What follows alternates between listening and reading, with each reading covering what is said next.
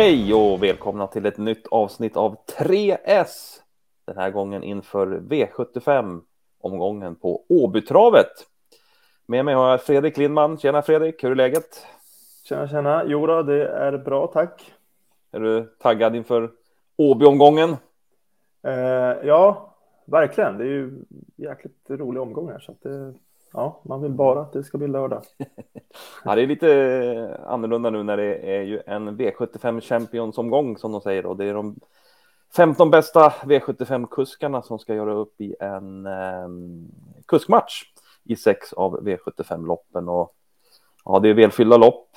15 hästar var det från början i samtliga lopp. Det har blivit någon strykning, men ja, vad tycker du om en sån här omgång när det är välfyllda lopp och det går på Åby som har open stretch också så där. Så att, vad säger du om omgången? Ja, det är ju kul att det, alltså det som säger, det är 15 hästar och det är open stretch. Det är bra hästar varje lopp och framförallt är det de 15 bästa kuskarna varje lopp. Då, så det, men något jag tänkte på, vann inte Westholm här förra året? Eller var det två år sedan han vann? Det var två år sedan han vann. Två år sedan. Jag tänkte han är inte med han är tillhör de här topp 15 nu, så det, det, kan tydligen gå fort i, i, i den där branschen också. Ja, förra året var det väl Erik Adielsson som tog hem hela V75 Champions. Så att eh, så är det. Hur, mm. eh, ja, hur ser du på omgången? Den ser väl rätt så kul ut och öppen ut när det, när det är så här, högt, när det är så här många hästar i loppen. Ja, gud ja. Och så är det voltstart och flera volter. Så att det liksom är ju... Och det har man lärt sig med de här voltloppen just när det är fler volter. Att det, en halvdålig voltning eller en halvdålig start kan ju liksom omkullkasta alla tänkbara scenarier egentligen nästan man har på förhand. Så att det, det är väldigt svåranalyserat eh, på förhand och man får nästan, man får ju räkna med att mer än vanligt då, att det, det är stor chans att det kan hända liksom oväntade saker och inte kanske låsa fast, låsa fast sig vid, vid just ett speciellt scenario. Nej, så är det ju. Förra året kollade jag upp där omgången, den här omgången då, V75 Champions, då var det ingen som lyckades pricka sju rätt, men året innan då mm. gav det drygt 11 000, så att det, det behöver ju inte alltid vara svårt bara för att det ser det på förhand ut. Vi får väl se vad det blir den här veckan. Eh, nu tycker jag vi drar igång med första rubriken som är spiken.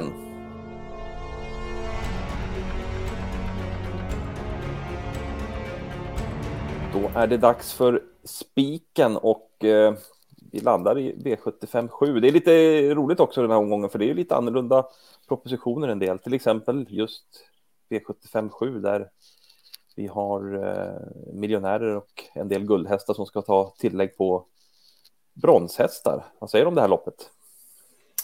Jo, det är eh, bra lopp. Det är ett högklassigt lopp så att det, det blir i alla fall lite enklare att, att försöka lista ut hur det ska bli kört och så när det är som du säger hästar från höga klasser med. Det är värre när det är hästar i låg klass som man ska räkna med och som galopperar varannan gång i volt. Och så här. Här, här. har vi i alla fall eh, relativt stabila hästar, både vad gäller att trava och att prestera på en jämn nivå. Och vi har väl ett klart scenario för oss också här eh, med spiken helt enkelt, som är nummer ett, Strong Heartbeat. Ja, exakt. Eh, Strong Heartbeat. Um han är eh, minst rutinerad i fältet, har bara gjort 19 starter. Han är också fattigast i fältet med sina 616 000. Så, att, så långt kanske inte ser så bra ut, men, men det här är ju en väldigt uh, kapabel häst som börjar karriären otroligt bra. Tillhörde väl egentligen kulltoppen, trodde man i alla fall där när han började rada segrar som treåring. Uh, började strula och eh, gjorde comeback här nu senast. Det var faktiskt efter 15 månaders tävlingsfrånvaro han gjorde comeback senast.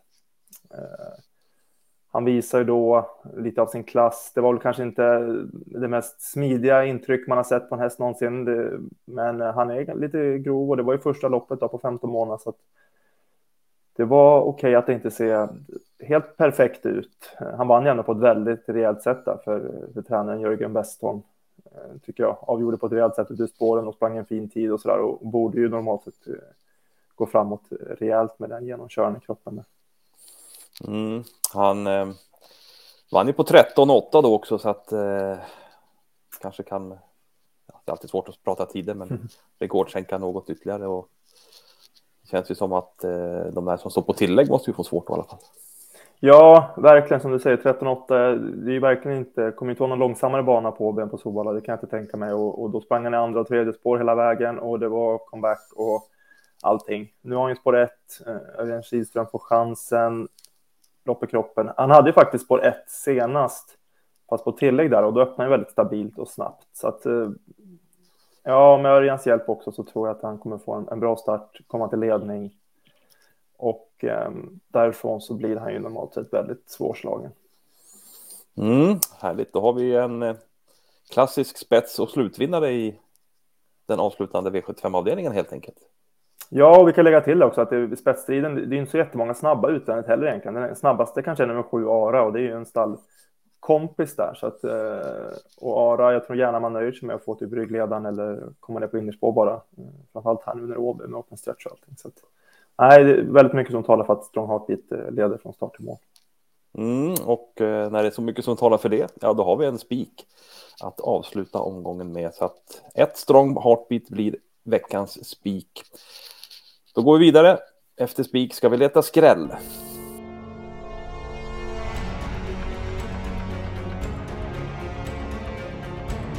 Då är det dags hitta skrälloppet och Eh, ja, vi sa i inledningen att sex av V75 avdelningarna var V75 Champions kuskmatch. Eh, just V75 5 är inte det. Det är eh, ett ungdomslopp för de ja, för ungdomskuskarna helt enkelt och här hittar vi skrälloppet. Mm. Um, det är ett skrällopp. Ungdomschampion här ska uttesta. Det är bilstart här och ganska relativt låg klass. Nummer ett tjänar bara 80 000 och så upp till 205 000. 15 That's It har. Um, jag tycker att det är ganska jämn nivå på, på många hästar här. Det är en som sticker ut på spelet, nummer 6, Hanker Panker Red Bank, men jag är inte alls övertygad om att han är så mycket bättre än någon annan. Eh, så att, eh, han blir nog mest spelad kanske på att det är Magnus Djuse som kör. Det är en mm. fin rad såklart. Men, men bara gjort fem starter och möter mycket, mycket mer rutinerade hästar här. Så att, mm, här ligger verkligen en skräll på lut.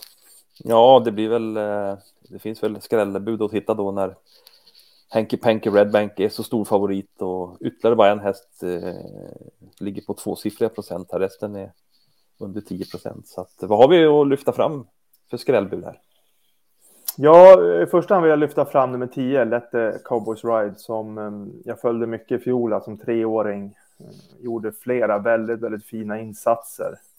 Eh, Spurtade bra i skymundan i snabba avslutningar, eller så satt han fast. Och så där, vi har bilder här från eh, en start högst upp i raderna, fem starter sedan. Han sprang 13 och 3 full distans med, med lite krafter kvar. Han kommer där mellan hästar till slut. Eh, och då förstår man, springer han 13 och 3 full väg med skor runt om allting som treåring. Eh, så då är man ganska bra. Eh, sen självklart ska vi lämna väl lyfta återigen att Svante Eriksson har en otroligt fin form på stallet här och har lyft hela rörelsen egentligen efter årsskiftet hade han bytt gård till Hans-Ove Sundbergs gamla gård där. Mm. Så att, ja, det kan man ju, eh, det kan man ju, annat. Jag, jag kollade, han har på de tio senaste starterna nu tagit fem vinster så att det kan man ju trycka på. Bland annat vann han väl två lopp i Örebro i, i, under torsdagskvällen där så att nej, det är fin stallform där, så det, det, är intressant. Ja, och de har ju gått bra. Den här gör ju comeback här nu, första starten sedan de bytte dit. Och, eh, men man kan säga att de har, hästarna har gått bra direkt när de har kommit ut efter comeback, de här hästarna som man haft där. Så, att, så att jag är inte orolig alls för att han ska behöva någon lopp i kroppen eller någonting, Letty Cowboys Ride. Och eh, snarare att han är bättre än i fjol. För det brukar vara så med de treåringar som nu har blivit fyra, att den där vinterträningen mellan tre och fyraåringssäsongen brukar kunna vara väldigt nyttig. Så att, jag tycker nästan står bra in i det här loppet. Mm, kul. Mm. Jag vet att du vill ha varna för en häst till i loppet. Ja, Lepter Cowboys Ride var ju 9 procent, så det var lite, nästan lite mycket det. Men eh, vi, vi drar till med en 1 procentare också. Det är nummer 15, That's It, som jag har följt eh, ganska noga. En väldigt eh, rejäl och fin häst. Har ju spår 15 här, men det är ju för att den har tjänat mest pengar också. Men eh, borde ha betydligt mer på kontot, kan jag tycka. Gick med helt stängt huvudlag senast eh, för första gången och gav ett väldigt positivt intryck då, tycker jag det blev helt fel. Han fastnade i någon iskall rygg och, och när han väl fick fritt då var, då var mm, ettan och tvåan redan i mål. Det var ju långt bak, liksom eh, klungan då, där han satt och klättrade ryggen. Eh, fritt på, på open stretch till slut och, och gick riktigt vasst över upploppet där. Den där hästen har fått några lopp i kroppen nu och är kraftigt uppåt. Och eh, det man inte ser i, i programmet och så här när man kollar, det var ju just att det var helstängt sist och att det hade en sån otroligt positiv effekt på hästen tycker jag intrycksmässigt. Det var klart bättre tryck än tidigare. Så att, ja, lite över pace så tror jag den där kommer blåsa runt väldigt många här. Mm, kul, det är en enprocentare, det är ju alltid härligt om man kan jobba in det i skrälloppet så att 15 eh, that's it. Den får ni inte missa. Har vi fått Nej. några, två, ja framförallt en härlig skräll och en en annan skrällvarning då i V75 Så att eh, det var skrälloppet det. Då ska vi gå och hitta en häst som vi tycker har blivit lite väl hårt betrodd den här omgången och eh, det är dags för chaset.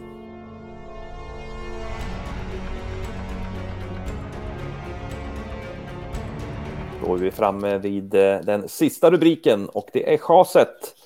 Och eh, vilken häst är det som vi chasar den här veckan? Eh, den vi chasar den här veckan är eh, nummer 10 Beckham här i eh, V752. Eh, ett långlopp.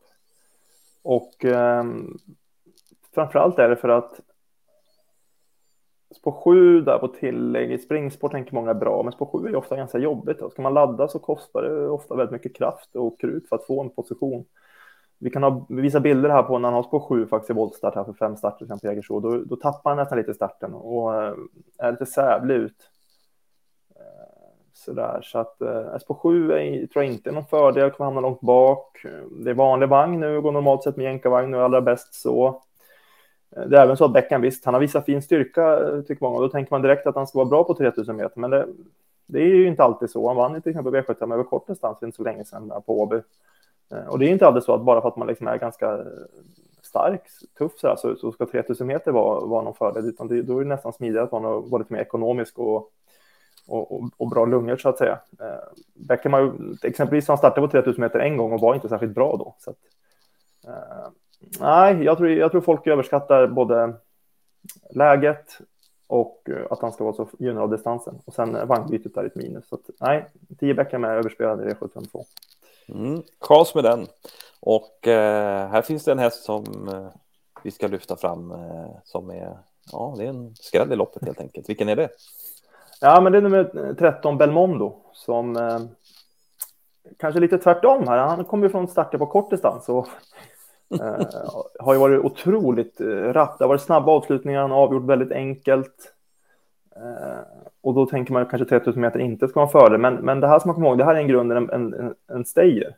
Det här är en sån häst som, som inte alls gör med mycket kraft när han springer och ser ut att kunna springa hela dagen. Det går lätt för honom. Man har startat på 3000 meter en gång tidigare och gav ett otroligt bra intryck då. Han satt fast med rubbet i mål då som, som tvåa på, på 15 och 4 över 3000 meter, vilket är en klart bra tid. Och som sagt, det var rubbet sparat. Det var vanlig vagn och skor runt om då också. Fiore körde själv den gången. Nu är det Jeppson upp här. Eh, så att, äh, det här är en häst som, som, som sagt, gör inte om så mycket energi när han springer och jag tror att 3000 meter bara är en fördel och jag tror han kommer kunna leverera en sån här sylvass spurt äh, även den här gången. Mm. Ja, det låter ju. Det låter ju häftigt helt enkelt, för det är ju en väldigt låg procentare där, så att den nummer 13 Belmonde där får, får man ju absolut inte missa helt enkelt. Dags att sammanfatta rubrikerna då och det vi avslutade ju med chaset i V75 2 på nummer 10 Beckham där vi alltså tycker 13 Belmondo är en eh, häst man inte ska missa i det här loppet. Spiken, ja det var nummer ett Strong Heartbeat i V75 7 och skrällloppet, det är V75 5 där 10 Let the Cowboys Ride är en häst som ska med på kupongen och storskrällen 15 That's It är också en, eh, ja, värd en stor varning helt enkelt.